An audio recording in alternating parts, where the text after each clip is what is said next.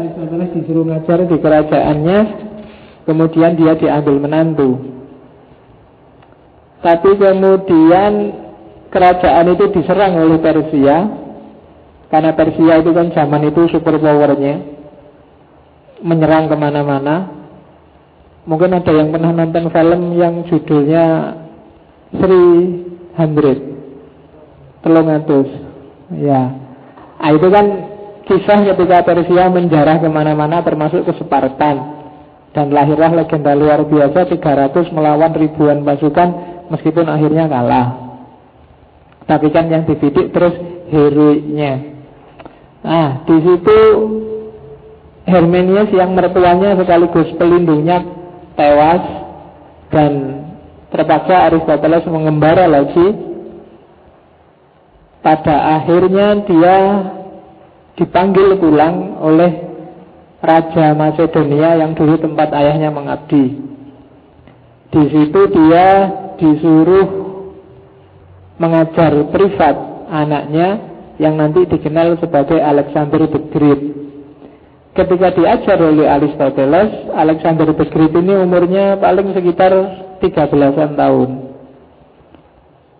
Ada banyak buku yang cerita betapa banyak sekali kisah-kisah dua orang ini ketika Aristoteles mengajar Alexander the Great.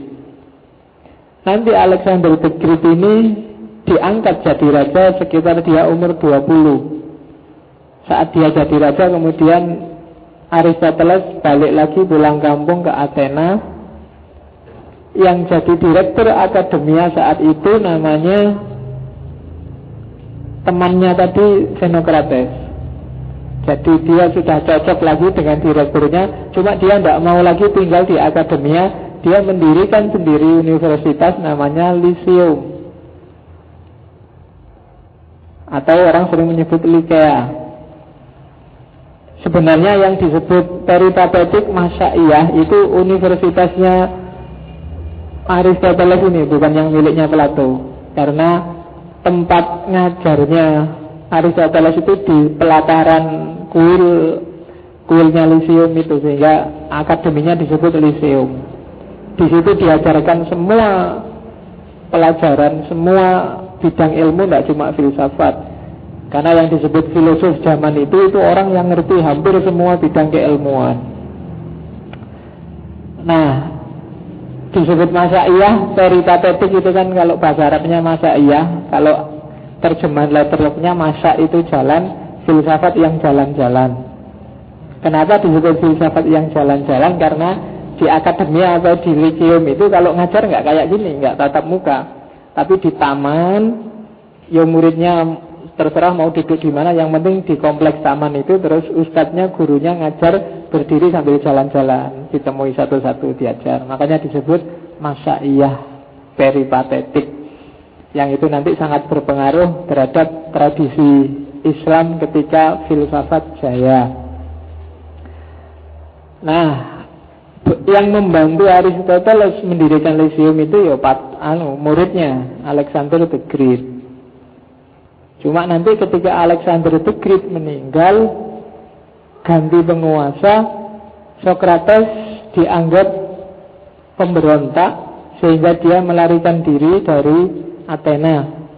Sebenarnya dia melarikan diri bukan takut nanti ada satu apa ya, satu semboyan, satu kalimat yang sangat terkenal dari Aristoteles bahwa aku tidak akan membiarkan Athena berdosa dua kali pada filsafat. Maksudnya apa? Dulu kan Athena juga yang mengeksekusi Socrates. Kalau dia diem aja nggak pergi, mesti dia juga ditangkap dan nasibnya kayak Socrates. Bukan dia takut mati, tapi dia aku nggak akan membiarkan Athena punya dosa dua kali pada filsafat, maka dia pergi. Cuma tidak lama di tempat dia mengasingkan diri dia meninggal karena sakit di usia 63 tahun. Nanti yang melanjutkan ajaran-ajarannya ya muridnya ini Alexander the Great ini yang menyebarkan ajarannya Socrates melalui imperiumnya yang dikenal imperium Romawi dan ajaran filsafat yang disebarkan oleh Alexander the Great inilah nanti yang dikenal dengan nama Helenisme. Dan sebenarnya masuknya filsafat Yunani ke Islam itu lewat Helenisme ini. Dan dari Helenisme diwarisi ke Islam Aristoteliannya. Cuma yang bagian Plato dan Plotinus, Neoplatonik itu nanti yang melanjutkan tradisi filsafat Barat. Sehingga Barat cenderung mistik, Islam yang mewarisi Aristoteles cenderung ilmiah saintifik. Karena Aristoteles adalah orang yang punya tradisi berpikir realis, nyata. Oke. Dan selanjutnya sejarah. Tinggal kamu baca di buku-buku. Itu dongengannya tentang Aristoteles. Kan enak gini dingin-dingin sambil dongeng. Oke ya, nanti kamu tak suruh mikir juga agak berat jadi didongengin aja. Oke, sekarang kita masuk ke etikanya. Ya mungkin karena intervensinya Allah tadi saya disuruh ngomong Aristoteles karena tidak terlalu jelimet etikanya agak simpel. Kalau saya bawa yang sistem etika bagian kedua, di situ nanti ada etika relativis, ada etika situasi, ada etika emotivisme, ada behaviorisme, jadi agak-agak rumit. Tapi kalau etika Nikomachea itu agak simpel. Nikomakea itu sebenarnya bukan istilah yang bisa kamu cari terjemahannya karena Nikomakea itu nama dari anaknya Aristoteles. Jadi Aristoteles itu nikah dua kali Nikah yang pertama sama anaknya Hermenius tadi Cuma istrinya terus meninggal Nikah lagi ketika dia di Athena Dari istri yang pertama punya anak perempuan Dari istri yang kedua punya anak laki-laki namanya Nikomachus dan Nikomakus ini nanti ketika Aristoteles nulis risalah-risalah tentang etika, risalahnya ini didedikasikan untuk anaknya. Jadi sebenarnya dia mau mau ninggalin nasihat-nasihat untuk anaknya. Cuma kemudian oleh murid-muridnya dikodifikasi jadilah buku. Karena itu awalnya didedikasikan untuk anaknya yang namanya Nikomakus Maka dikenallah etikanya Aristoteles sebagai etika Nikomakea Atau saya lupa kelihatannya ada buku yang judulnya Etika Nikomachean Nikomachean Etik saya lupa yang nulis siapa, yang menerbitkan siapa. Tapi pasti banyak kalau kalian ingin mendalami etikanya Aristoteles. Oke, bismillah. Kita masuk ke pikirannya Aristoteles tentang etika. Pelan-pelan. Nyari anget-anget dulu silahkan diminum.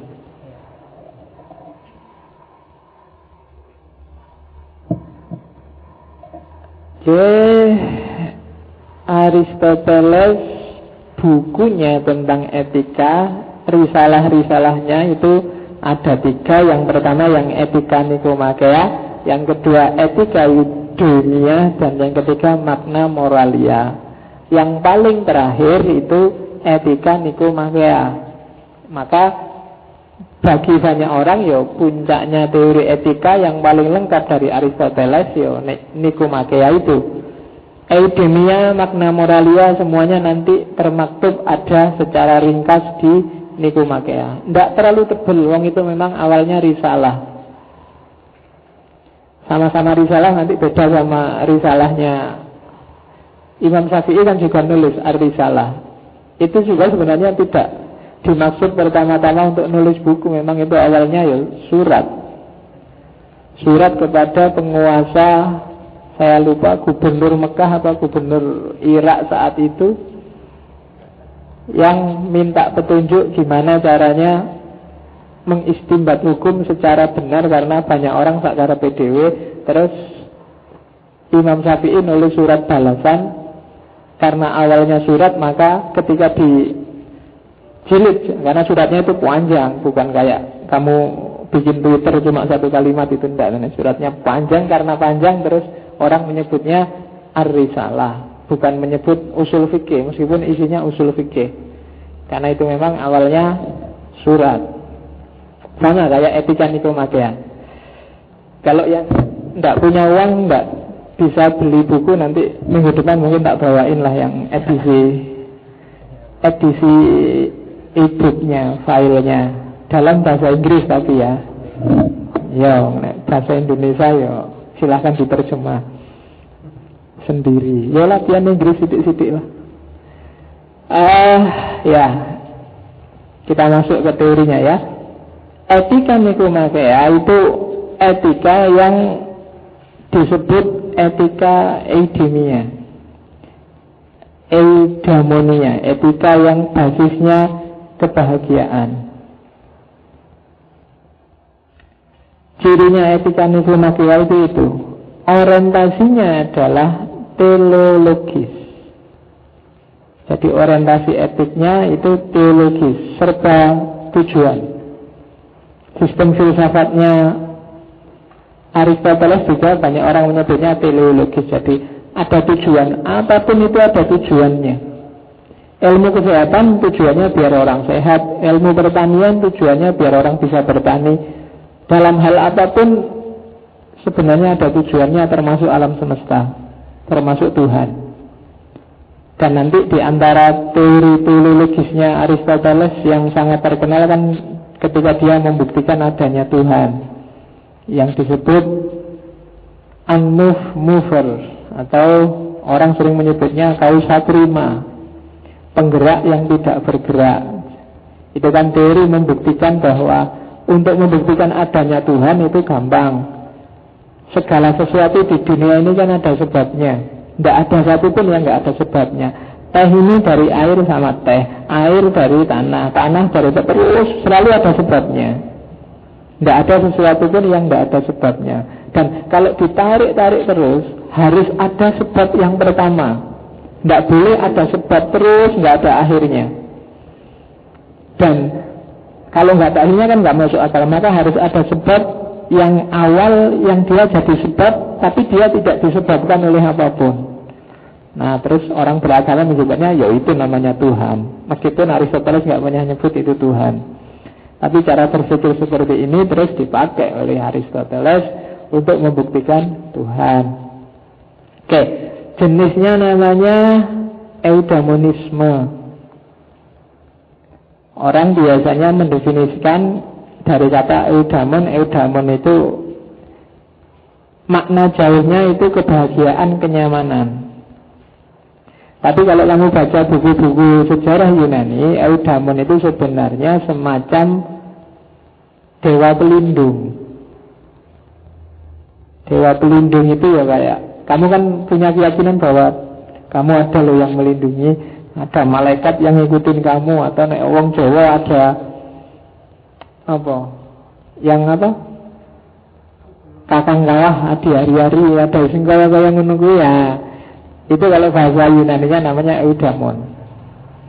Tapi terus itu diasosiasikan sebagai kebahagiaan, kenyamanan. Kan kalau ada dewa pelindungan kita aman, kita nyaman. Oke. Katanya Aristoteles, tujuannya etika, kenapa sih kita harus berbuat baik? Kenapa kita harus melakukan kebajikan? Ya sebenarnya biar kita bahagia.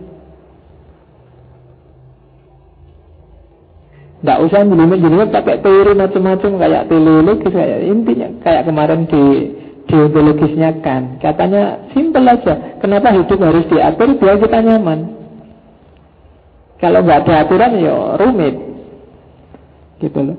Ayo diatur duduknya jangan jauh-jauh biar kalau saya ngomong dengar ah, itu kan aturan. Kamu ala pak diatur segala suka-suka. Lu nggak enak kalau nggak diatur. Kamu nggak nyaman. Harus ada aturannya. Ah, itu namanya eudaimonisme. Motonya adalah bisa kamu pakai moto kapan-kapan kalau kamu diminta ya orang motonya apa mas? Pakai motonya Aristoteles ini. Menjadi orang baik itu baik. Dalam kan itu jadi kalau kamu ngapain sih kalau kamu jadi orang baik? Ya karena jadi orang baik itu baik. Maksudnya apa? Orang baik itu adalah orang yang baik dalam dirinya sendiri. Baik dalam dirinya sendiri itu kalau dia melakukan kebaikan, tidak ada sesuatu yang lain yang dia tuju dari kebaikan itu selain kebaikan itu sendiri. Kalau kamu ditanya, kenapa sih kok kamu jujur? Ya karena jujur itu baik.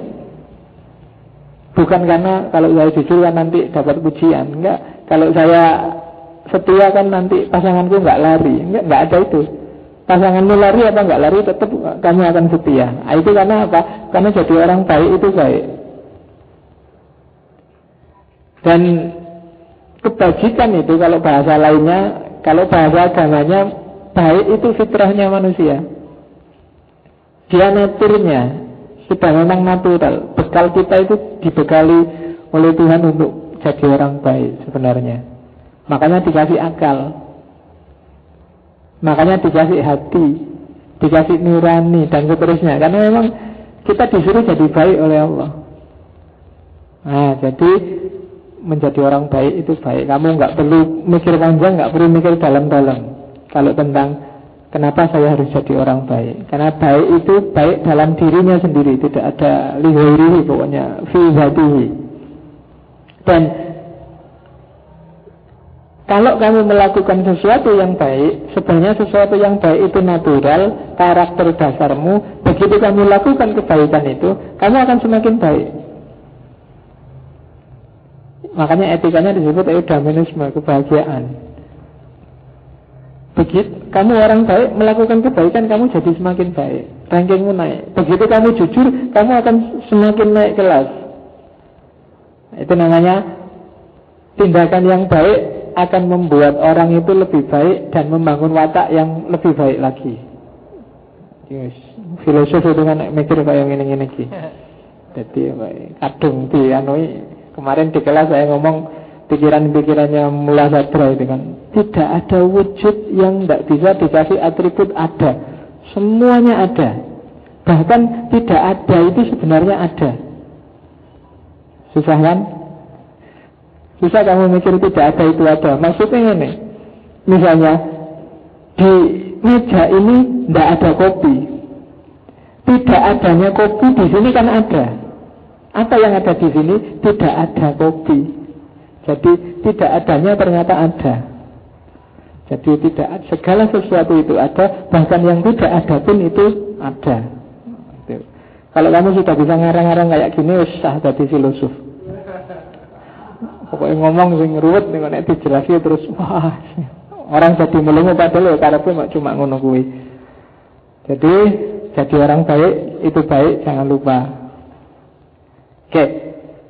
Tujuannya kebahagiaan. Kenapa tujuannya kebahagiaan? Karena katanya Aristoteles, orang yang sudah bahagia itu biasanya nggak nyari lagi sudah selesai. Dan memang nggak masuk akal kalau orang sudah sampai pada titik bahagia dia masih cari lagi. Kamu sama pacarmu bahagia nggak? Bahagia. Tapi kalau bisa saya mau cari lagi, mesti nggak bahagia. Istiqo. Kalau sudah bahagia sebenarnya sudah selesai. Karena bahagia itu puncaknya sudah. Kalau senang beda nanti ada tentang kenapa bahagia itu bukan cuma senang, bukan cuma nikmat. Biasanya kalau memang itu bahagia selesai sudah. Orang nggak nyari-nyari lagi. Tapi kok masih nyari lagi, masih pingin di luar itu, pasti itu belum bahagia. Bahagia pasti puncaknya. Kenapa? Karena karena bahagia itu paling tinggi, itu teori kedua maka berarti bahagia itu adalah sesuatu yang bernilai pada dirinya sendiri sehingga orang tidak usah cari lagi yang lain kenapa? karena nggak ada yang lebih tinggi cara ngeceknya itu kan ada cara ngeceknya itu kan coba dicek katanya Rizal kamu pingin apa apa sih yang kamu inginkan? Kamu pingin istri cantik, kamu pingin minuman enak, makanan enak, kamu pingin punya rumah bagus, kamu semua kepinginanmu. Kalau pertanyaannya dikejar terus, ujungnya pasti bahagia. Yang kamu incer sebenarnya. Pingin istri cantik pak, lah kalau istri cantik kenapa? Kalau istri cantik saya kan nggak nolak-nolak ke sana kemari cukup dengan istriku. Kalau nggak nolak-nolak ke mana? Ya saya tentrem pak. Kalau sudah, mesti nanti ujungnya jadi bahagia. Kalau ingin punya rumah, ya Pak saya ingin punya rumah bagus. Kalau punya rumah bagus, ya saya nggak mikir lagi, sudah enak kan, mau apa-apa tenang, sudah ada rumahnya. Ya, kalau sudah enak nyaman gimana? Ya hidupnya bisa dinikmati. Nanti ujungnya pasti bahagia. Apa yang kamu inginkan sekarang tinggal kamu sebut dan tanyakan terus, ujungnya pasti bahagia. Saya ingin lulus kumlot pak. Kalau sudah kumlot, gampang nyari kerjaan pak. Kalau gampang nyari kerjaan, berarti uang saya banyak pak. Karena sudah punya kerjaan. Kalau uangmu banyak, nah saya bisa beli yang saya butuhkan. Nah kalau sudah terpenuhi yang kamu butuhkan, oh, saya sudah tenang pak, sudah puas. Kalau puas kan saya bahagia. Ujungnya mesti bahagia. Maka Tujuan hidup itu bahagia. Kebahagiaan. Makanya etikanya disebut eudaimonia. Maka katanya Aristoteles, semua upaya yang kamu lakukan untuk mencapai kebahagiaan dan pas sesuai bukan ngarang, maka pasti perilakumu itu adalah perilaku yang bermoral. Kecuali kamu keliru, kamu salah jalan. Tapi kalau itu memang benar menuju kebahagiaan, pasti itu bermoral. Kalau lo kadang-kadang kan orang maling, Pak, itu kan nggak bermoral untuk biar dapat uang. Pasti keliru itu. Dia tidak ngejar kebahagiaan, dia salah jalan. Akhirnya bukan bahagia dengan maling. Maka nanti ada namanya kebajikan intelektual di Plato. Dipikir sih. Jangan-jangan yang kamu kamu ingin nyampe kebahagiaan tapi jalanmu keliru. Saya ingin punya rumah Pak. Kalau punya rumah nanti kan bahagia. Cuma kalau beli saya nggak punya maka saya ngerampok aja Pak. Nah, itu ketemunya nanti nggak bahagia akhirnya. Salah jalan. Maka usaha untuk mencapai kebahagiaan Harus pakai rasio Harus pakai intelek. Nggak boleh ngarang. Oleh karena itu Maka hakikatnya setiap usaha untuk hidup bahagia Itu adalah usaha yang bermoral, perilaku yang bijak. Itu Aristoteles. Jadi kalau kamu tanya, Pak, belajar bermoral nggak? Bermoral. Kalau kamu runtut itu nanti akhirnya adalah bahagia. Ngaji ini bermoral nggak? Ya tinggal kamu hitung aja. Kalau ngaji ini hasilnya apa, terus hasilnya maunya ke mana, setelah itu tercapai terus ke mana dan seterusnya. Kalau ujungnya bahagia berarti itu bermoral. Tapi kalau ngajinya dua cuma dapat capek sama teh hangat, ya saya tidak tahu itu nanti ketemu nggak dengan ujung yang bahagia. Atau ya itu cuma jalannya aja pak. Nanti ketemunya ya tetap senang bahagia, jangan khawatir. Nah, itu tujuan hidup. Jadi mulai sekarang kalau kamu ada orang tanya, sebenarnya tujuan hidupmu apa sih? Kalau kamu sudah malas mikir dan malas neko-neko bilang aja ingin bahagia. Selesai sudah.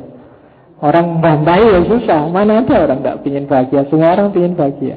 Dan tidak ada sesuatu yang di atas kebahagiaan. Kalau bagi Aristoteles, puncaknya tetap bahagia. Para sufi pun kan ada Tuhan. Iya, bersatu dengan Tuhan itu kan bahagia. Maka para sufi nggak mau keluar-keluar kalau sudah nyampe sana. Ujungnya pasti tetap bahagia. Oke. Terus ini teori selanjutnya, dari mana sih kita tahu sesuatu itu bijak? Yang bijak itu pasti nanti menghasilkan kebahagiaan.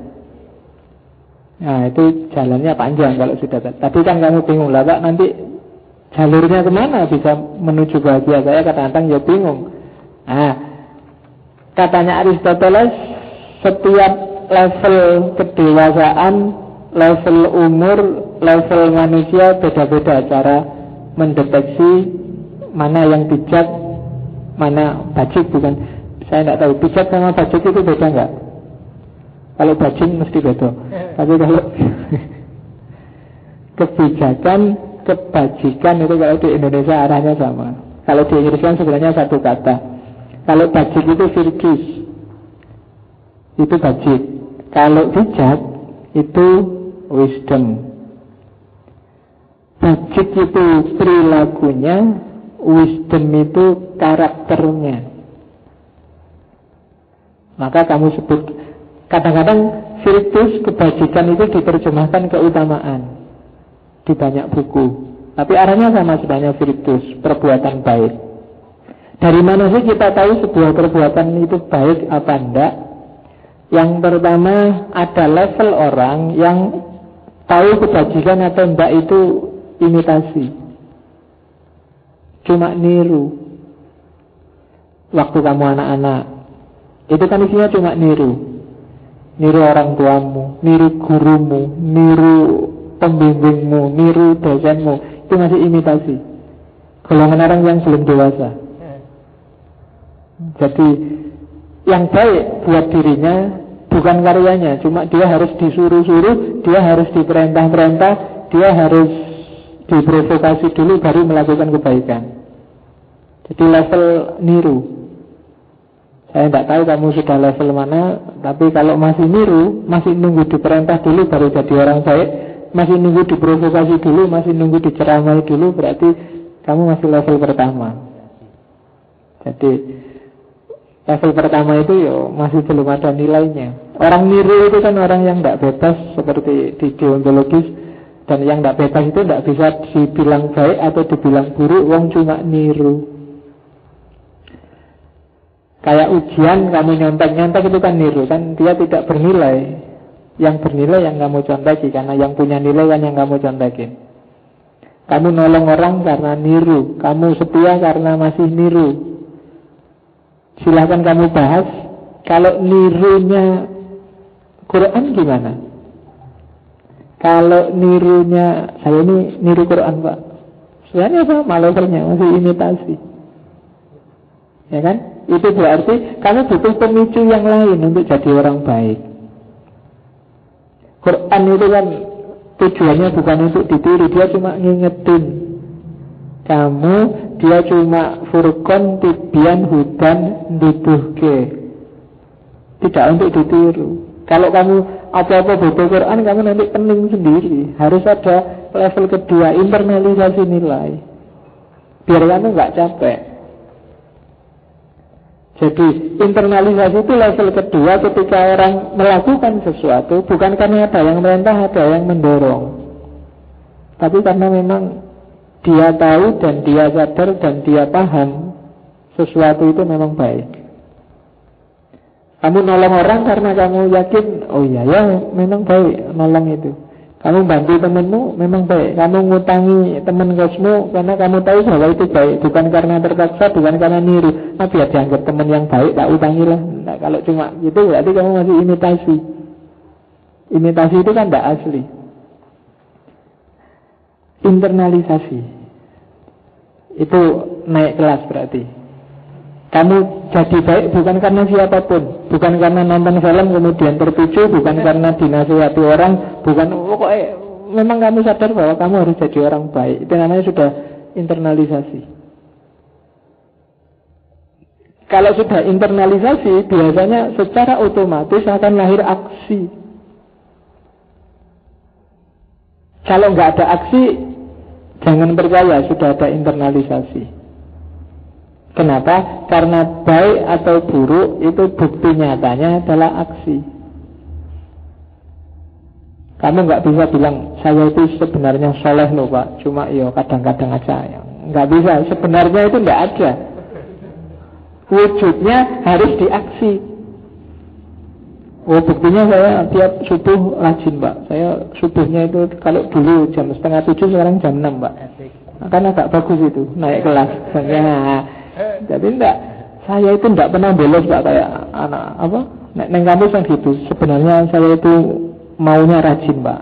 Aslinya saya itu rajin pak. Cuma karena banyak alangan enggak bisa. Berarti kamu belum internalisasi. Kenapa? Buktinya aksinya tidak begitu. Kalau sudah internalisasi aksinya akan beda. Sebenarnya aku itu sayang sama kamu. Cuma kamunya sih. Berarti enggak. Berarti enggak sayang itu. Belum internalisasi.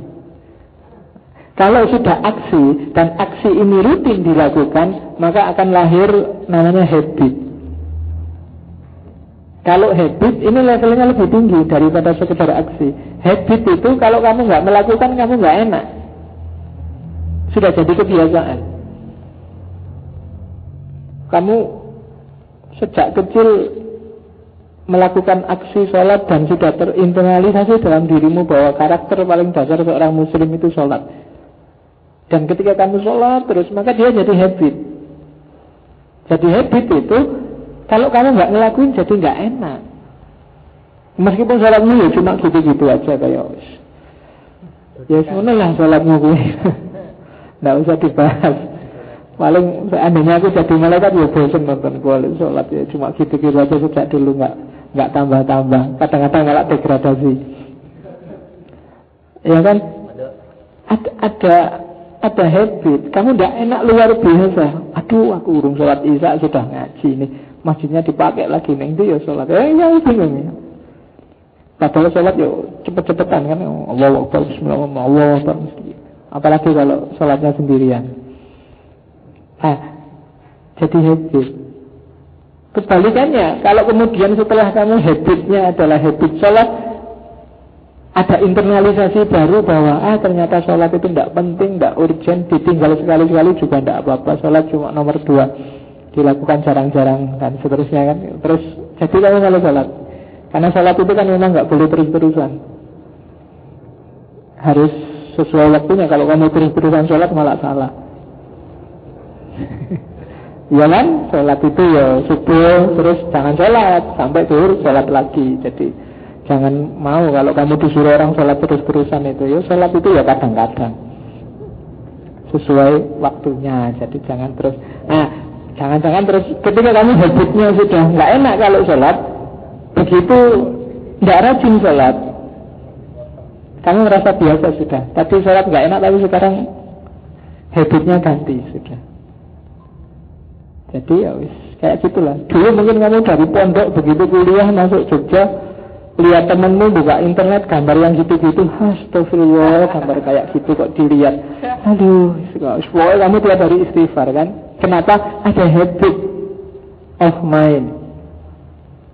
Ada internalisasi yang berlawanan dengan realitasnya sehingga kamu istighfar tiap hari tapi lama-lama habitnya jadi berubah karena kamu membiasakan diri dengan pertama yang kedua kayak gimana tuh? Kayak gitu aja kok. Besok lagi. Ada yang baru nggak? Lama-lama ya. Ah lama-lama jadi habit. Jadi akhirnya kan ya kalau dulu bukanya kajian hati sekarang kajian jadi ya kan jadi akhirnya ya habitnya ganti sekarang sudah berubah Makanya nanti mungkin dua minggu lagi kita bahas akhlak dalam Islam. Definisinya akhlak kalau Ghazali kan akhlak moral itu sesuatu yang internal dan jadi habit. Kalau pura-pura bukan akhlak. Kamu sopan pura-pura, kamu baik pura-pura bukan. Akhlak itu harus ada internalisasinya. Ada dimensi internalisasi dan dimensi habitnya. Apa pun itu.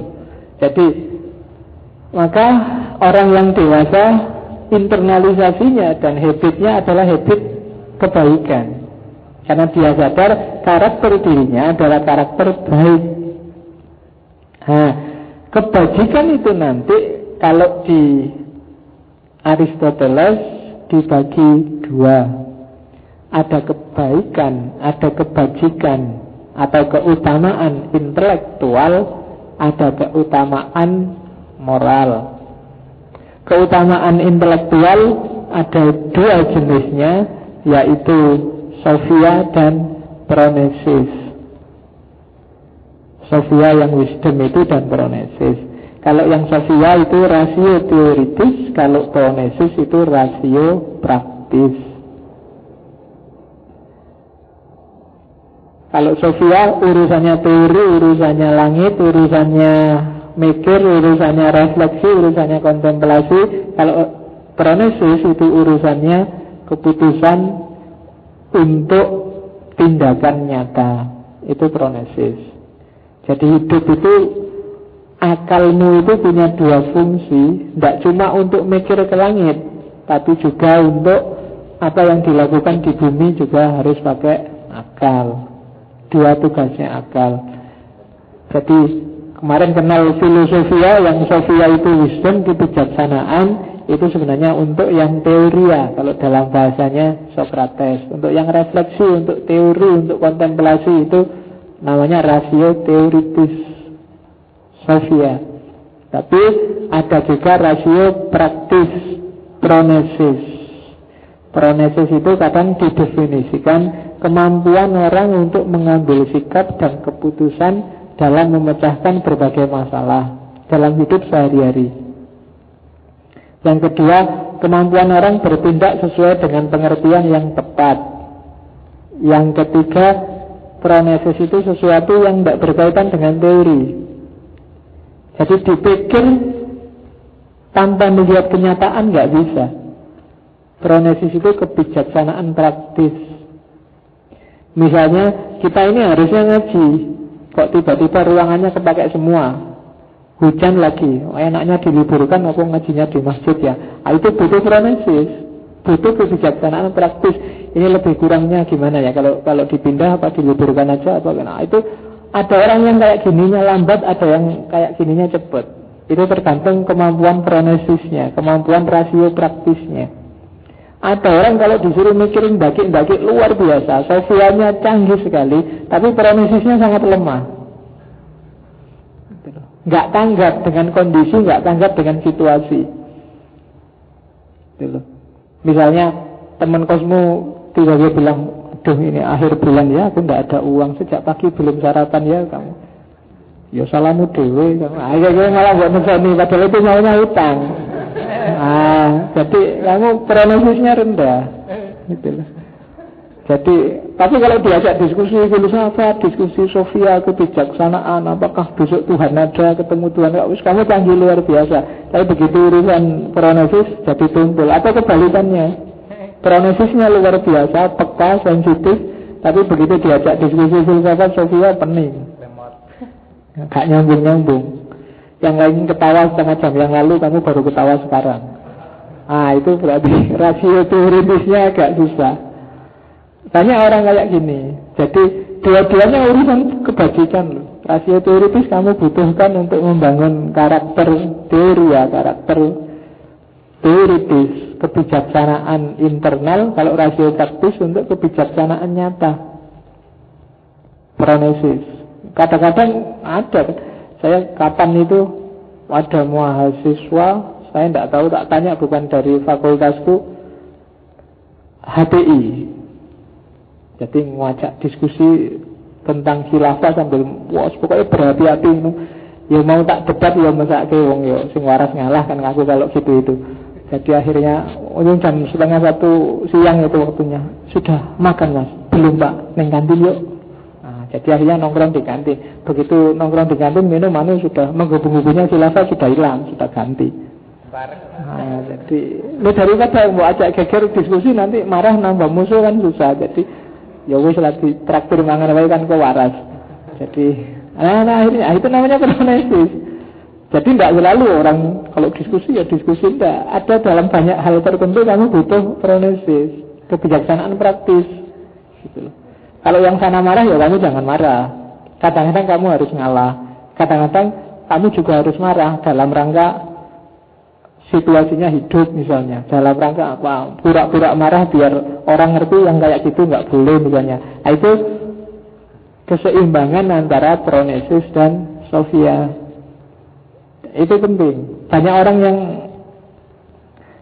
berat sebelah antara pronesis dan sofianya makanya katanya Aristoteles harus imbang dua fungsi rasio untuk mencapai kebajikan intelektual Orang yang teoritis saja biasanya tidak peka, tidak sensitif terhadap realitas.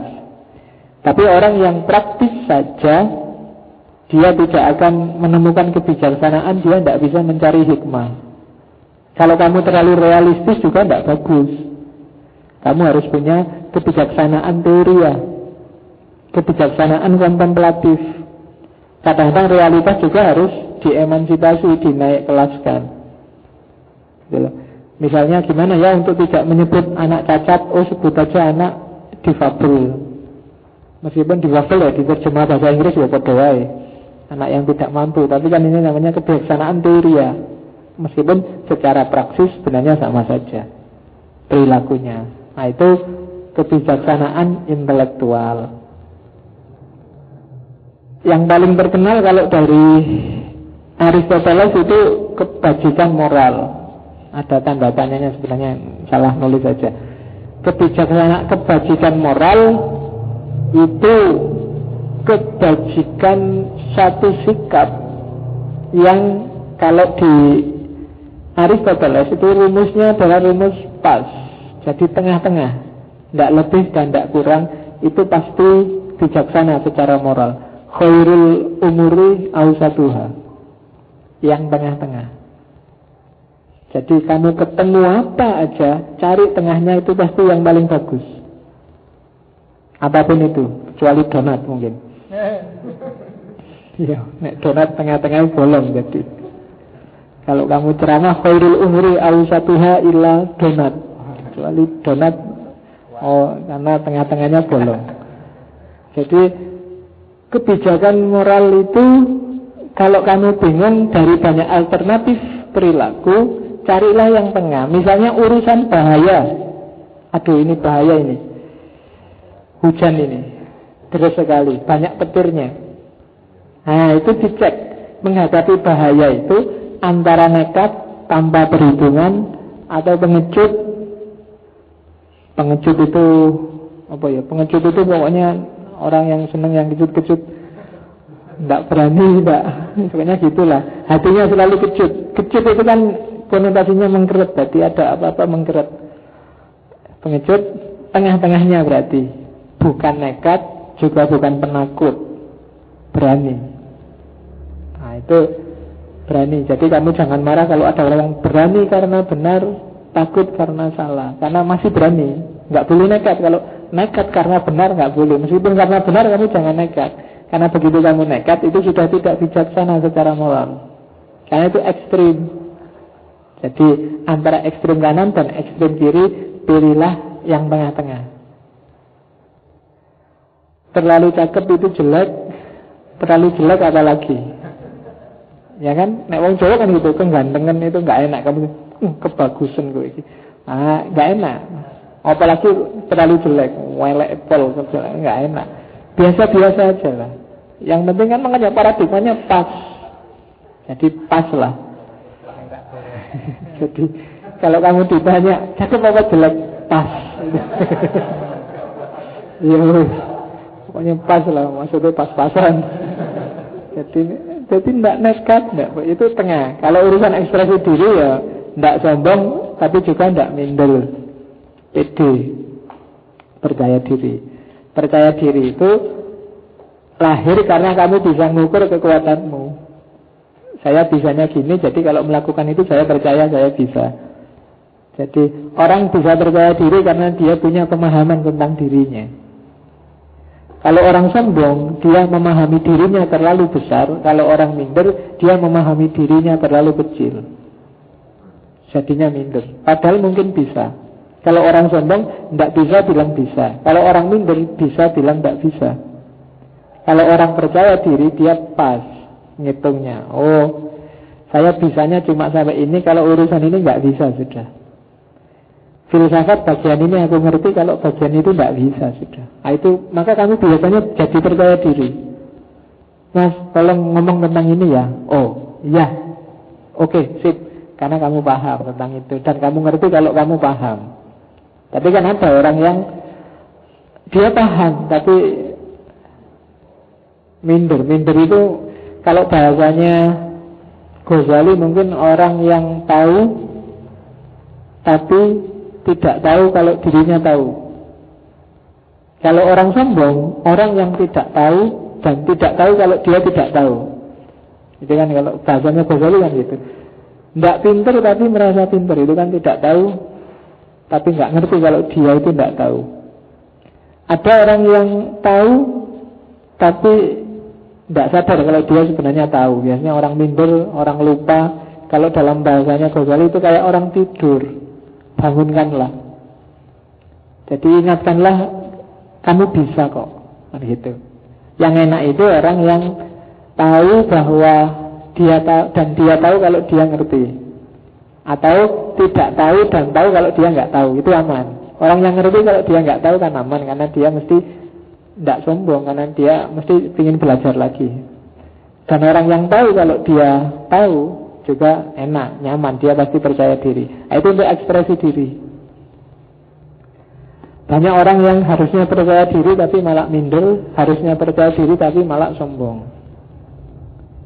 Orang minder itu biasanya melihat dirinya itu pakai kacamata gelap, kacamata hitam. Jadi dari 90% kebaikannya dia hanya melihat 10% dirinya yang jelek. Itu biasanya orang itu jadi minder. Kamu ganteng, putih, apalagi tinggi, besar, cuma berat badannya agak lebih sedikit. Empat ini bagus-bagus. Gara-gara berat badanmu lebih sedikit ini kamu terus jadi minder luar biasa. Yang empat ini nggak kamu hitung. Itu yang sering terjadi bikin kamu nggak pede. Kalau sombong itu kebalikannya. Kamu itu sudah hitam, jelek, keriting, apalagi. Dan kamu merasa wajahmu kayak artis. Nah itu terus jadi sombong. Oke, itu ekspresi diri. Kalau hubungan sosial juga begitu. Ada orang yang tipenya berlebihan, penjilat, tapi ada juga yang tipenya pencela, tengah-tengahnya itu ya ramah, enak, akrab. Kalau pencela itu apa-apa dianggap salah, kalau penjilat itu yang penting kamu senang, yang penting kamu suka. Nah, kalau ramah itu imbang, kalau jelek dibilang jelek, kalau bagus dibilang bagus. Jadi dari tiga karakter kebajikan moral ini ya yang tengah yang lebih bagus. Kalau ekonomi jelas, ekonomi itu jangan boros, jangan pelit, tapi hemat.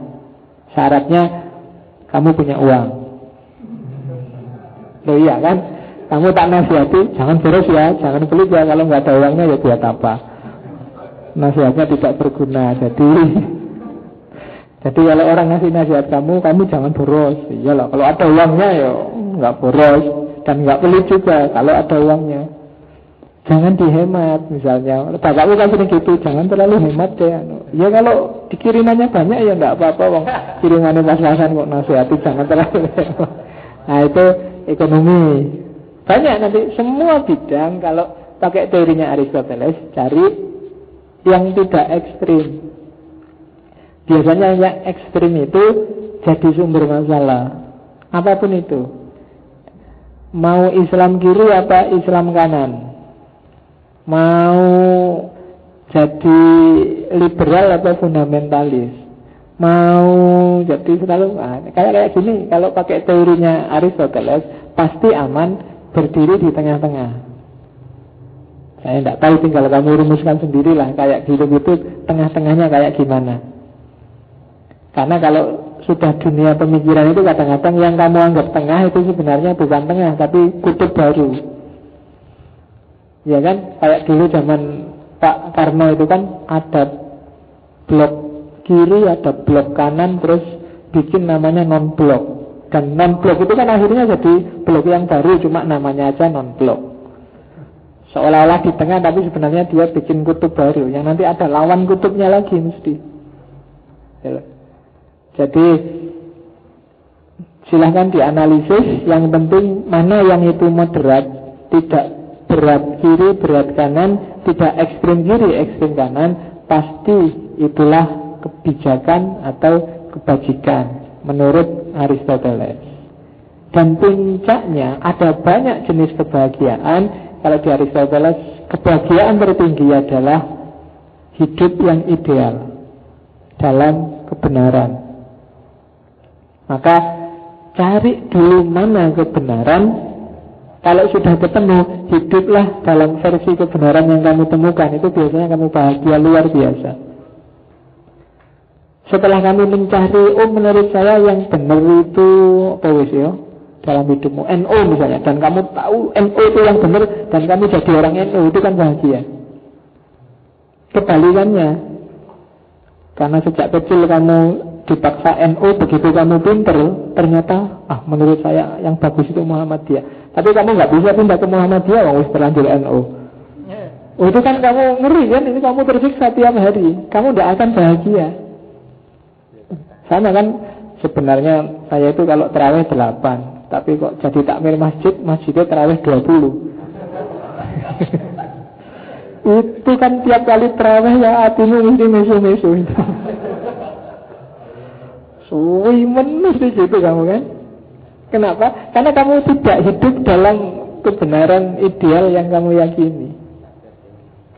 Kebahagiaan puncak adalah ketika kamu hidup dalam ideal kebenaran yang kamu yakini. Begitu ada geser sudah. Di level apa pun, mulai level fisik, level batin selalu begitu. Kalau tipe, misalnya cewek tipeku itu yang rambutnya panjang, lurus, yang putih, yang tinggi semampai misalnya. Dan kamu kebenaran kan itu menurut kamu, itu dapetnya kok kebalikannya. Itu kan kamu bisa nangis tiap hari. Maunya tinggi, putih, rambutnya panjang, lurus, kamu dapatnya pendek, hitam, rambutnya keriting, terus ah, itu mesti kamu nangis tiap hari itu. Kenapa? Kebenaran yang kamu alami beda dengan kebenaran yang kamu yakini. Dulu. Maka katanya Aristoteles, carilah kebahagiaan puncak yaitu hidup ideal dalam kebenaran. Yo, kebenaran di level apa pun. Itu enak. Kalau menurut kamu misalnya ngaji filsafat ini nggak ada gunanya ngapain habis dan kamu paksain ngaji di sini itu kan kamu tersiksa di sini. Yang lain ketawa-ketawa kamu merengut sendiri. Nah, itu gitu. Kan mesti gitu kamu geleng-geleng. Kafir kafir. Murtad murtad. Kan kamu gitu mesti kan batin ya daripada kayak gitu jangan ikut loh ngapain kamu bunuh diri kan sering kamu bisa kompli untuk jadi kayak gitu Biasanya di kampus, dipaksa dosennya itu kan kamu yus, ya ketemu dosennya guyang gitu tapi misu-misu janjane. Kenapa kamu tidak itu dalam kebenaran yang kamu yakini? Maka katanya Socrates, kebahagiaan tertinggi itu hidup ideal dalam kebenaran. Oke, itu puncaknya. Sekarang kita lihat, ini yang syarat-syarat kebahagiaan. Ini Sokrates adil. Bagi Sokrates syarat kebahagiaan itu ya materi ya mental. Tidak harus dibohongi. Yang pertama apa? Kalau kamu mencari kebahagiaan kamu harus punya bekal material spiritual yang cukup. Bekal materi jelas ya ya bahasa letternya harta lah kamu punya modal punya uang uang itu kan Ya, tidak penting sih uang itu. Kalau saya seperti tak bilang dulu kan uang itu tidak nomor satu, tapi di semua nomor butuh uang. Kan gitu. Saya pak nomor satu kuliah, nomor dua pacar, nomor tiga jadi uang itu nomor sekian. Uang itu tidak nomor satu ya, tapi di semua level kamu butuh uang. Nomor satu kuliah, namanya kamu bisa kuliah, tidak pakai uang, butuh uang. Nomor dua pacar, tetap kamu butuh uang. Saya tidak pak nomor satu agama Allah. Kamu nggak punya uang juga nggak bisa. Nggak bisa beli sarung, nggak bisa naik haji, nggak bisa zakat, nggak bisa cari buka puasa, nggak bisa sedekah, nggak bisa. Setiap nomor kamu butuh uang. Diakui atau tidak diakui. Cuma jangan di nomor satukan. Taruh aja di semua nomor. Jadi jangan ditaruh di nomor satu memang, taruh di semua nomor karena semua nomor butuh uang. Maka katanya Aristoteles punya modal, punya bekal untuk meraih cita-citamu. Itu kalau di bukunya Nikomakian memang diterjemah letternya harta. Ya maksudnya modal lah yang diperlukan untuk mengejar idealismemu. Idealisme saja ya nggak punya modal sama aja. Entah gimana caranya, maka ya kamu harus bekerja, kamu harus Mentang-mentang filosof enggak kok terus kamu mikir tiap hari. Nongkrong di depan gambar yang itu gini terus. Ngapain kok gitu mas? Filosof. Ya, jadi, jadi besok kalau pagi-pagi habis bangun tidur nongkrong depan kos-kosan itu sambil merenung gitu Temennya lewat Ngapain? Filosof Padahal lagi ngantuk Ya, jadi itu harta, kamu jangan menyepelekan karena itu dibutuhkan. Mau nggak mau, toh kamu butuh makan, butuh baju, butuh apa. Sepinter apa pun kamu kalau nggak pakai baju juga nggak enak. Meskipun kamu pikiran sundul langit tentang filsafat, tapi kalau nggak makan juga susah. Jadi ya, harta adalah bekal. Syarat untuk bahagia yang pertama harus punya modal. Yang kedua persahabatan, yang ketiga keadilan. Kita lihat. Sebelum ke sana, nanti apa itu kesenangan materi, apa itu persahabatan, apa itu keadilan. Aristoteles membedakan kebahagiaan dengan kesenangan. Kesenangan itu bisalah kamu definisikan dengan kenikmatan.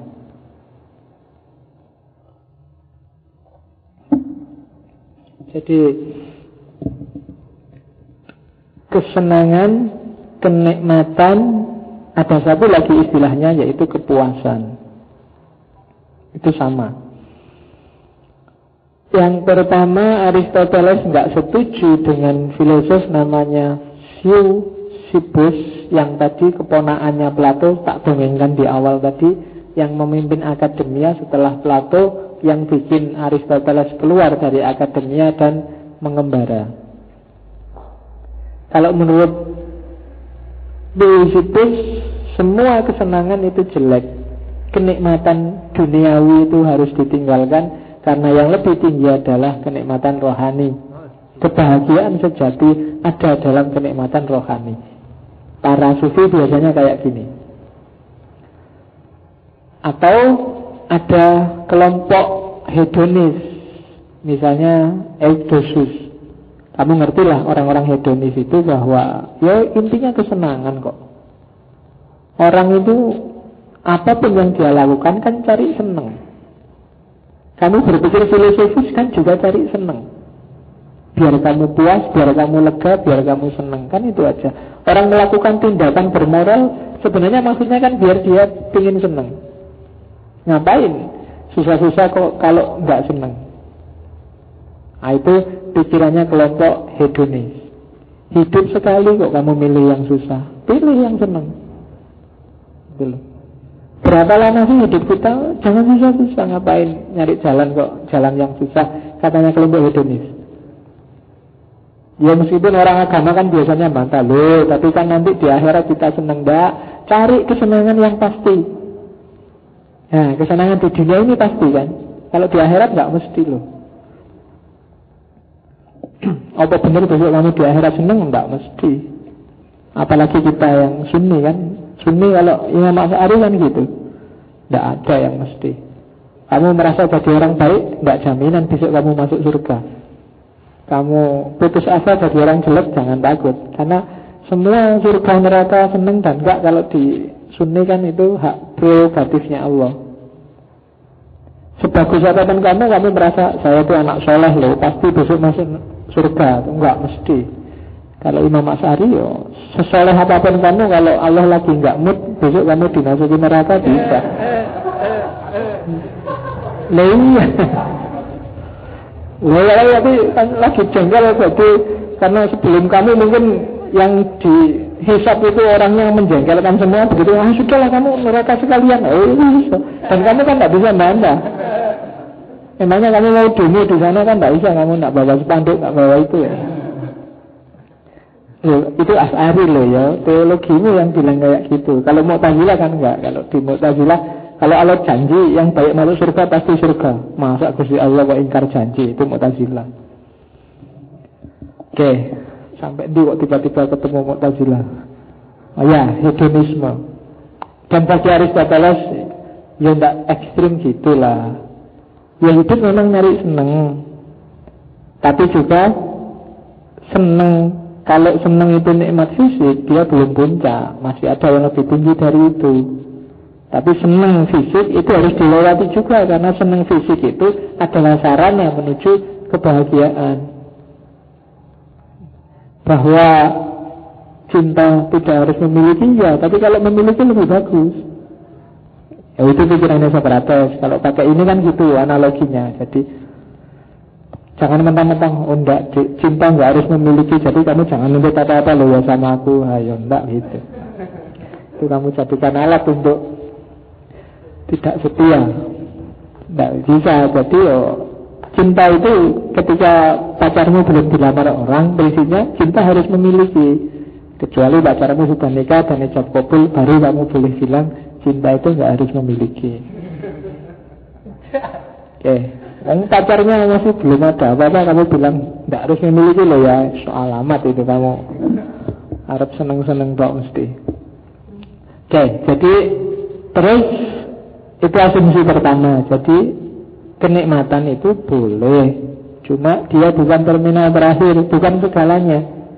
Orang harus puas, iya. Orang harus cari yang seneng, yang enak-enak, iya.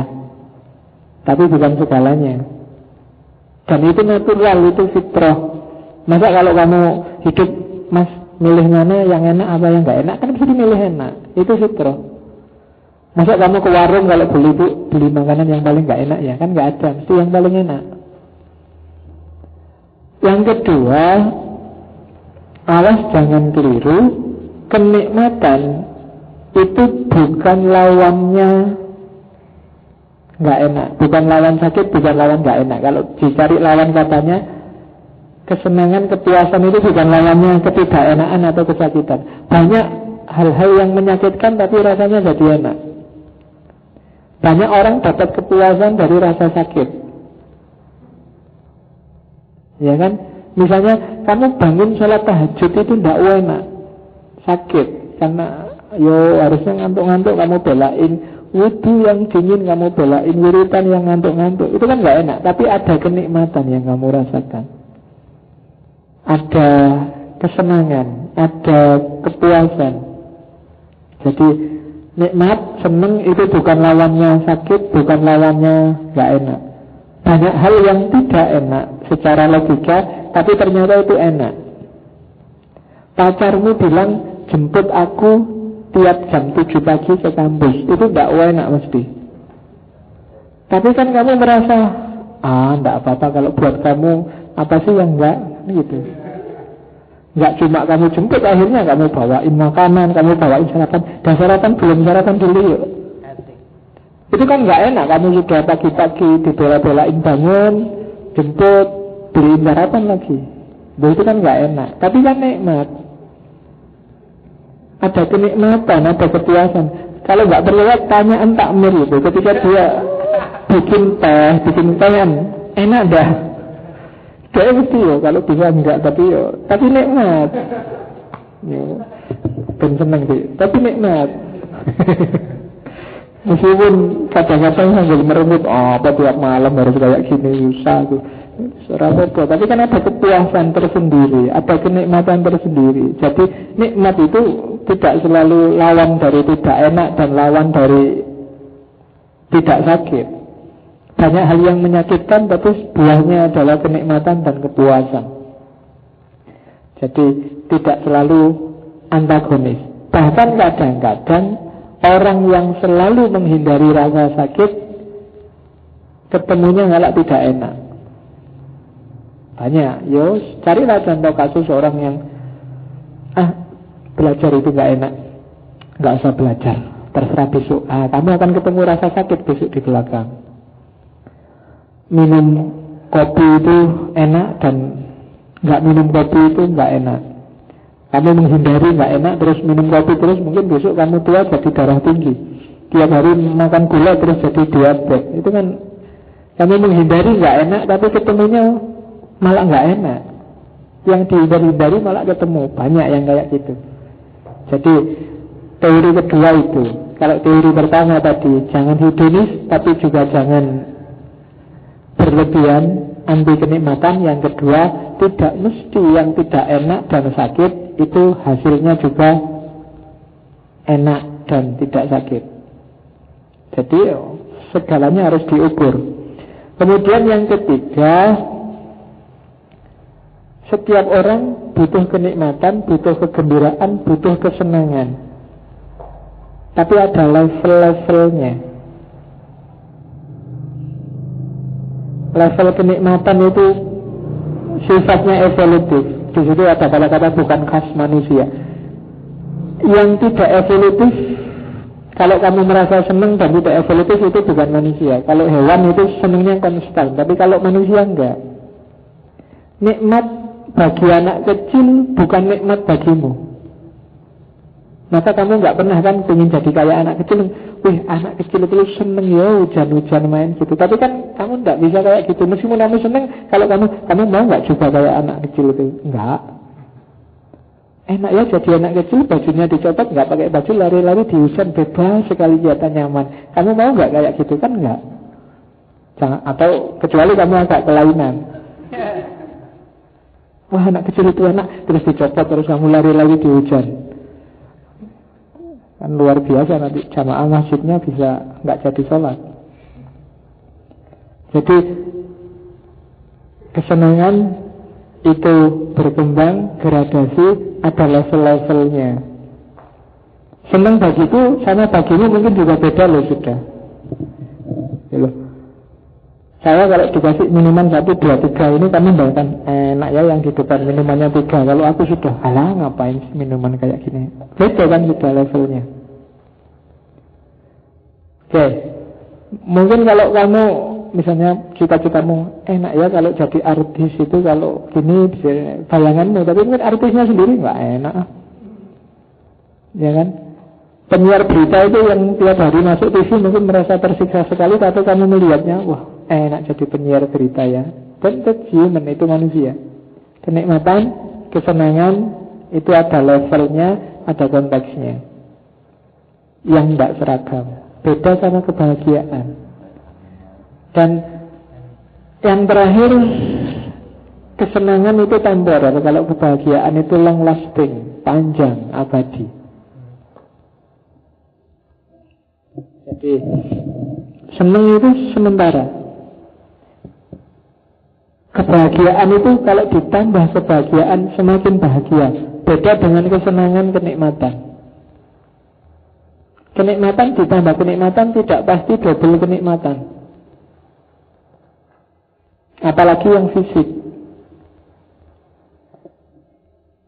Minum satu gelas itu nikmat enak. Tambah lagi dua gelas agak berat sudah. Kamu tambah tiga gelas mulai puyeng tambah empat gelas kamu sudah pening bisa pingsan kamu ngombe teh sekaligus empat gelas awalnya enak tapi begitu didobel jadi nggak enak jadi tambah nggak enak jadi tambah nggak enak saya baca kitab di mana itu yang isinya itu bagus kenikmatan di dunia itu semakin lama semakin nggak enak kebalikannya kalau di akhirat semakin lama semakin enak Ya saya tidak tahu kalau di akhirat ya. Tapi kalau yang di dunia memang gitu kan. Apa yang menurut kamu paling enak? Perempuan cantik, makanan enak. Sak cakap cakap kan ya satu ronde mungkin enak, dua ronde ha, lumayan, tiga ronde, empat ronde jeblak kamu. Gak enak belas mesti. Oh, mesti sudah ya, udah baru karuan monggo monggo boten wis mesti.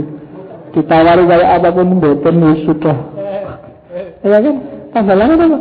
Pertamanya mungkin kamu menggebu-gebu, wah, begitu yang kedua, aduh, begitu yang ketiga, ah, begitu. Eh, kenikmatan dunia. Ayo, kamu silakan ngambil contoh apa pun.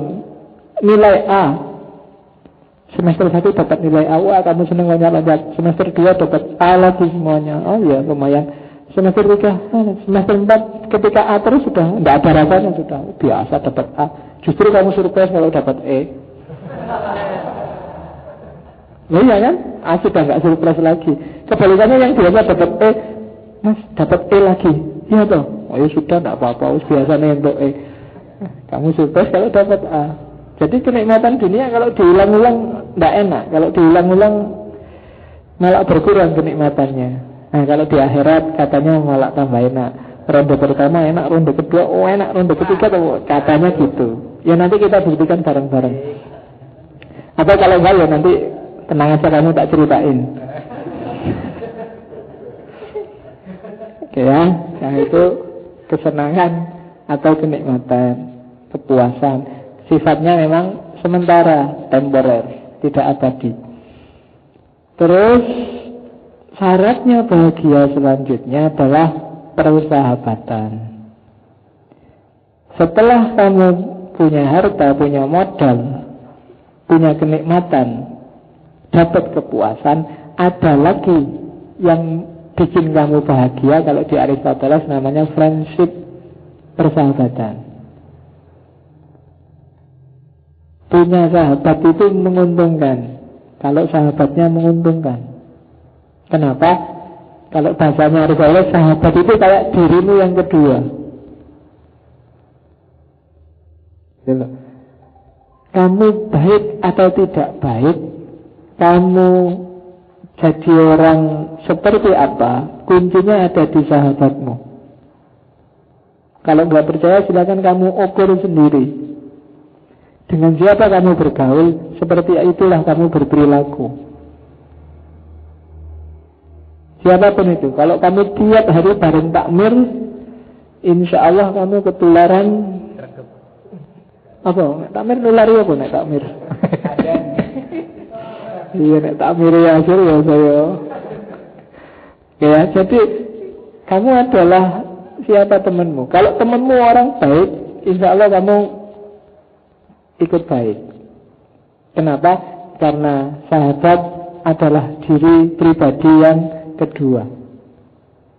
Tapi ada tiga jenis sahabat, katanya Aristoteles. Yang pertama, sahabat karena manfaat. Jadi kamu berteman, bersahabat, atau melakukan kontak dengan orang lain, tapi sebenarnya ingin cari keuntungan tertentu. Sahabat yang cari manfaat itu dia tidak ada kepedulian. Cirinya tidak ada kepedulian sesaat dan untuk kepentingan tertentu. Selama ini nggak pernah nyata tiba-tiba datang ke kamar senyum-senyum ngajak ngobrol ke sana kemari ternyata ketahuan ujungnya pingin utang. Oh itu kan berarti sahabat karena manfaat sesaat sifatnya. Saat itu kok begitu dikasih utang hilang lagi sudah. Nah, ada butuhnya. Kalau pas waktu butuh datang, kalau nggak butuh hilang. Kalau ada masalah muncul, begitu seneng-seneng nggak bilang-bilang. Nah itu namanya sahabat karena manfaat.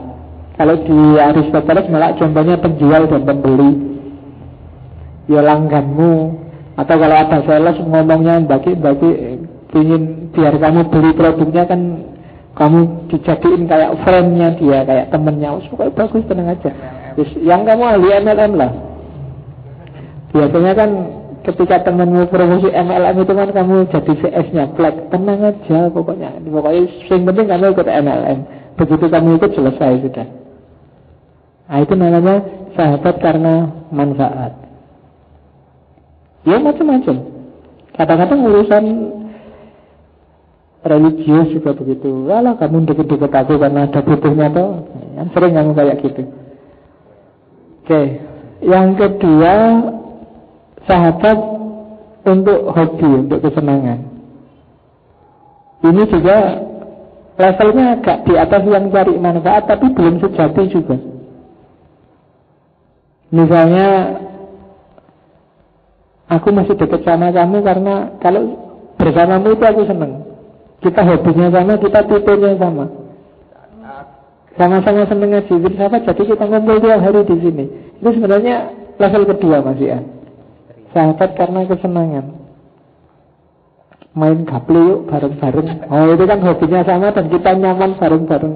Itu sahabat kan yang bisa kayak gitu Cuma itu sahabat karena punya kesenangan yang sama. Membawa bahagia juga Tapi bahagia yang sementara Termasuk yang nomor satu. Masih belum sejati. Masih ada sesuatu yang di luar itu Yang dituju. Jadi persahabatan untuk kesenangan. Yang ketiga, ini yang sejati, sahabat karena kebaikan. Kamu dekat dengan sahabatmu karena kamu bisa menikmati wataknya sahabatmu. Itu kalau terjemahan letternya dari Aristoteles. Menikmati watak itu kamu terima dia apa adanya. Belum. Kamu peduli padanya, kamu peduli dengan apakah dia baik atau buruk, dan seterusnya. Jadi sahabat yang baik itu, yang sejati itu justru sahabat yang tidak selalu muji kamu dan tidak selalu mencelamu. Tapi dia peduli pada perkembanganmu. Kalau kamu pas jelek, dia bilang jelek. Kalau kamu pas bagus, ya dia bilang bagus. Dan dia terima dirimu apa adanya. Gak nuntut macam-macam.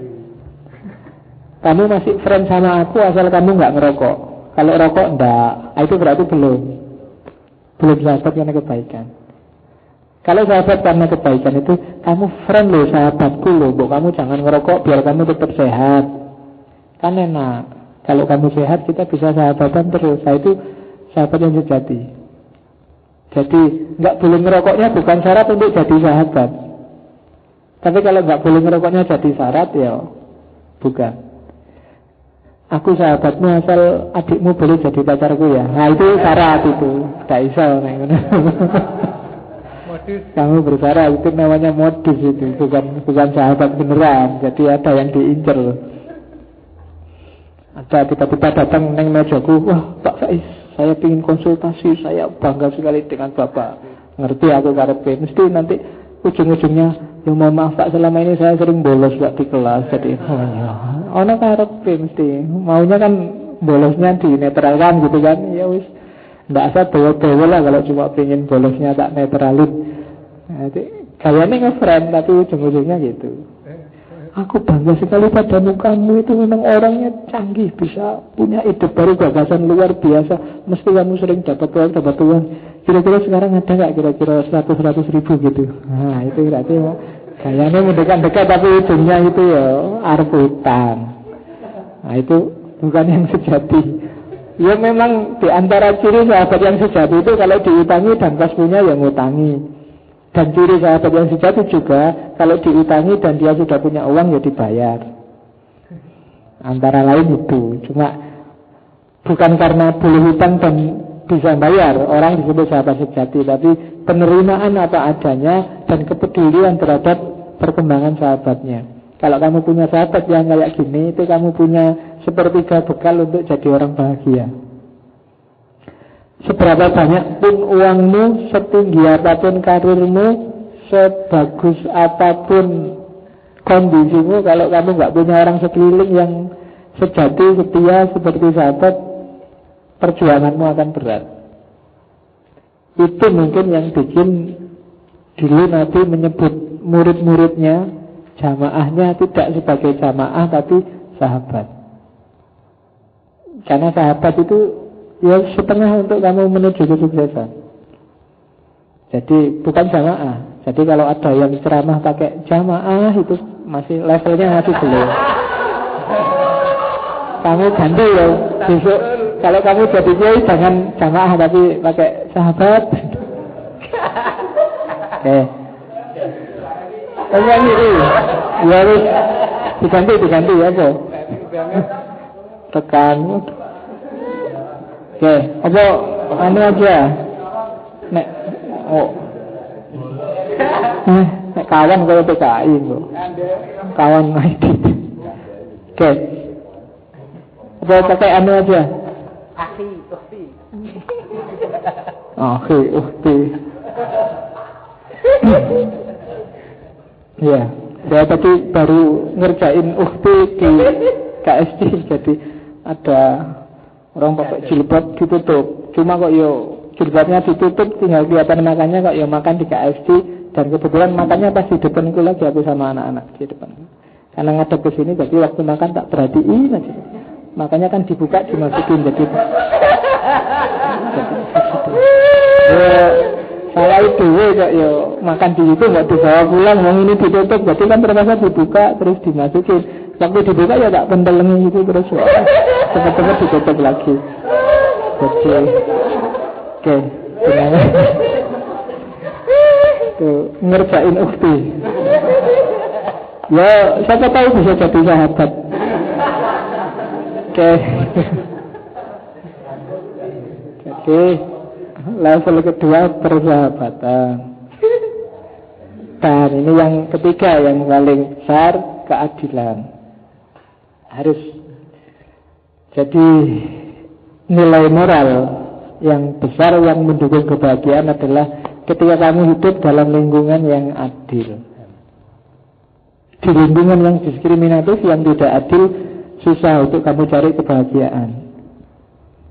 Karena segalanya nggak bisa dikontrol. Keadilan itu kalau di Aristoteles sama dengan kesamaan. Keadilan itu kan berarti semua orang diperlakukan sama. Adil. Adil itu standar minimal loh ya, jangan salah. Tidak boleh orang tidak adil, karena adil itu minimal. Lebih dari adil nggak apa-apa. Lebih dari adil itu misalnya orang harusnya kamu kasih seribu tapi kamu kasih dua ribu karena dia agak berat. Adil itu kalau temenmu utang seribu dia bayar seribu. Adil. Tapi kalau temenmu utang seribu dan kamu kasihan kamu bebaskan itu kan lebih dari adil. Kalau dalam agama namanya ihsan. Makanya kalau khutbah Jumat itu kan selalu disebut innallaha ya'muru bil adli wal ihsan. Jadi yo minimal adil, tapi syukur-syukur kamu bisa ihsan, ditambahi. Kalau biasanya cuma dikasih teh, ya saya ngerti ihsan, tambahi snack sedikit lah apa gitu. Nah itu itu contohnya, cuma contoh kok. Oke ya. Itu ihsan. Kamu ke sini misalnya nggak bawa apa-apa, misalnya nggak apa-apa itu adil takmirnya juga nggak minta, tapi akan ihsan kalau tiba-tiba wah di rumah ada kacang banyak bawa sini lah yang sana oh di rumah ada oh, itu bawa sini buat makan bareng-bareng tidak apa-apa sekali-sekali. Itu namanya ihsan. Meskipun kamu nggak bawa juga tidak apa-apa karena itu sudah adil. Kan gitu mikirnya. Oke keadilan ada dua kalau di Aristoteles yang disebut kesamaan ada kesamaan numerik ada kesamaan proporsional kesamaan numerik itu ya setiap orang sama. Setiap warga negara sama kedudukannya di dalam hukum. Itu namanya kesamaan numerik. Setiap jamaah diperlakukan sama. Itu kesamaan numerik.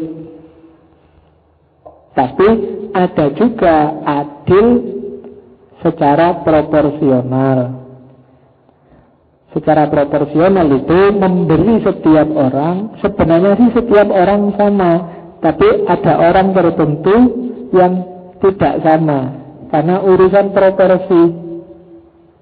Setiap orang harus naik tangga, tapi ada orang tertentu yang tidak bisa naik tangga, maka dibikinin fasilitas untuk jalannya kursi roda. Itu namanya keadilan proporsional. Kamu jangan marah-marah.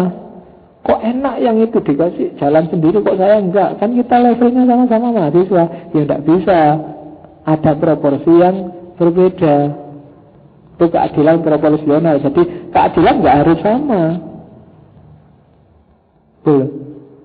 Jadi kalau misalnya syaratnya nikah lebih dari satu itu harus adil. Itu berarti mencakup keadilan numerik sekaligus keadilan proporsional. Keadilan numerik itu ya perlakukan dia secara sama tapi dalam hal tertentu ada loh yang proporsional. Dua-duanya dibeliin baju, cuma karena yang satu tingginya cuma 151, yang satu tingginya 200, ya yang satu dibeliin 2 meter setengah, yang satu 2 meter. Itu adil sudah kenapa sesuai proporsinya. Toh dua-duanya dibeliin kain. Secara numerik sudah sah dan secara proporsional sudah sah. Oke, itu jenisnya. Terus ada juga dari Aristoteles namanya keadilan distributif dan keadilan korektif. Orang sering menyebut keadilan korektif itu sama dengan keadilan komutatif. Keadilan distributif itu keadilan yang sama rata untuk semua orang. Harus rata. Didistribusikan secara rata. Nggak boleh ada yang nggak kebagian. Kalau semua dapat teh, ya harus dapat teh semua. Itu namanya distributif. Tidak boleh ada yang ketinggalan, tidak boleh ada yang ketinggalan. Tapi ada jenis keadilan yang kedua, yang ini harus memang harus dibedakan, namanya keadilan korektif atau keadilan komutatif. Keadilan komutatif itu ketika ada sesuatu atau seseorang yang merusak atau mengacaukan ritme distribusi Bentar. Jadi ada orang yang apa ya, misalnya penjahat, maling itu kan mengatakan ritme distribusi, bukan haknya tapi diambil.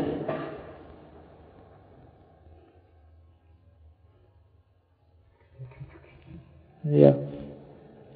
Nah, itu kan sebagai konsekuensinya ritme distribusinya kan harus diseimbangkan terus malingnya dihukum kenapa kok dia dihukum yang lain kok tidak dihukum karena dia mengacaukan ritme distribusi sehingga kesetaraannya terganggu. Dia harus dihukum karena dia merugikan orang lain. Itu juga jenis keadilan. Maka LHI yang diputus 16 tahun ya jangan marah-marah, wong dia memang salah.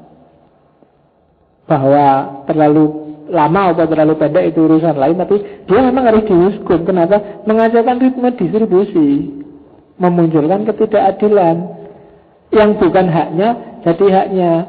Kayak kamu ingin teh untuk 20 orang, sudah disiapkan 20 orang, tapi yang satu ngambil 5. Sehingga yang empat nanti yang datang belakangan nggak kebagian. Itu kan harus ada mekanisme yang menyeimbangkan lagi.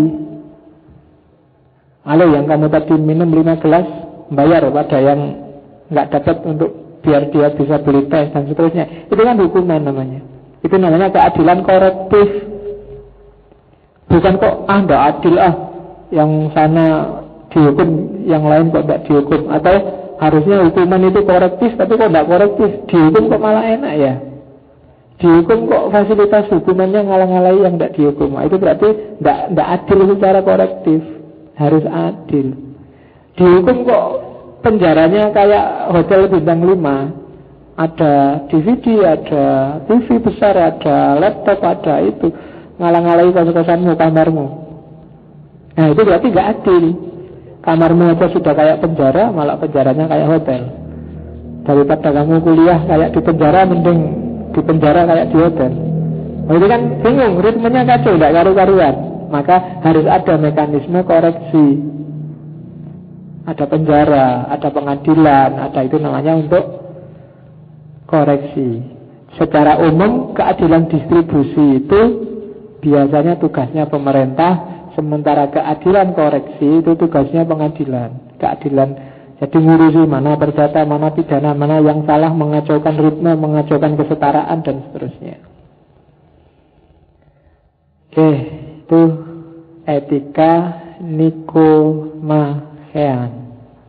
Nikomachean etik dari Aristoteles. Ada pertanyaan? Alhamdulillah nggak ada. Wis bengi. Atau ada silahkan. Saya bilang di awal kan harusnya hari ini sistem etika yang kedua. Cuma mungkin karena Gusti Allah intervensi jangan dulu itu dikasih Aristoteles dulu. Karena yang ke bawah kok malah nikomakian etik. Tapi mungkin Memang kalian harus kenal nih pemakian etik karena banyak orang sekarang ngomong tentang ini. Banyak buku ditulis tentang ini. Rencananya ini tak kasihkan belakangan kalau ada waktu setelah moralitas dalam agama-agama termasuk tentang akhlak. Tapi karena ini muncul duluan berarti ya memang Aristoteles ingin ditampilkan duluan. Karena sejak dulu dari dari tiga orang besar ini Socrates bolak-balik tak omongin Plato juga sudah bolak-balik tentang goanya segala cuma Aristoteles yang jarang tak singgung mungkin dia cemburu tiba-tiba masuk nih harus aku duluan gitu jadi ya karena ya jadi saya ingin apa cuma Tuhan menghendaki lain jadi ya jadi enaknya jadi orang Islam kan gitu jadi kalau tiba-tiba pacarmu nuntut dan kamu nggak bisa tanggung jawab, inginku sih tanggung jawab, tapi Tuhan kok menghendaki lain ya, jadi aku nggak bisa tanggung jawab. Alasan mutok ini. Oke, insya Allah minggu depan kita lanjutkan sistem etika bagian kedua setelah kemarin deontologi, ontologi. Minggu depan kita akan ngomong secara umum judul besarnya adalah perspektif relativis terhadap etika.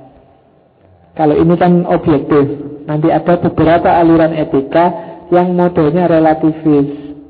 Misalnya ada etika situasi, ada konvensionalisme atau etika kultural, nanti ada behaviorisme, egoisme, dan ada emotivisme. Jadi sistem etik yang subjektif. Setelah itu terus kita ngomong tentang etika yang didasarkan perintah Tuhan kita masuk ke etika agama-agama termasuk Islam dan Kalau sudah bosan di etik, setelah itu kita akan pindah ke estetika. Baru kita akan bisa menjelajahi dunia filsafat secara lebih bebas kalau kita sudah menyelesaikan estetika. Dasar ke lima dari kajian filsafat. Oke, sudah ya pengajian kita. Insya Allah kita ketemu lagi minggu depan. Saya akhiri sekian. Wallahul muwafiq wallahu a'lam bisawab. Wassalamualaikum warahmatullahi wabarakatuh.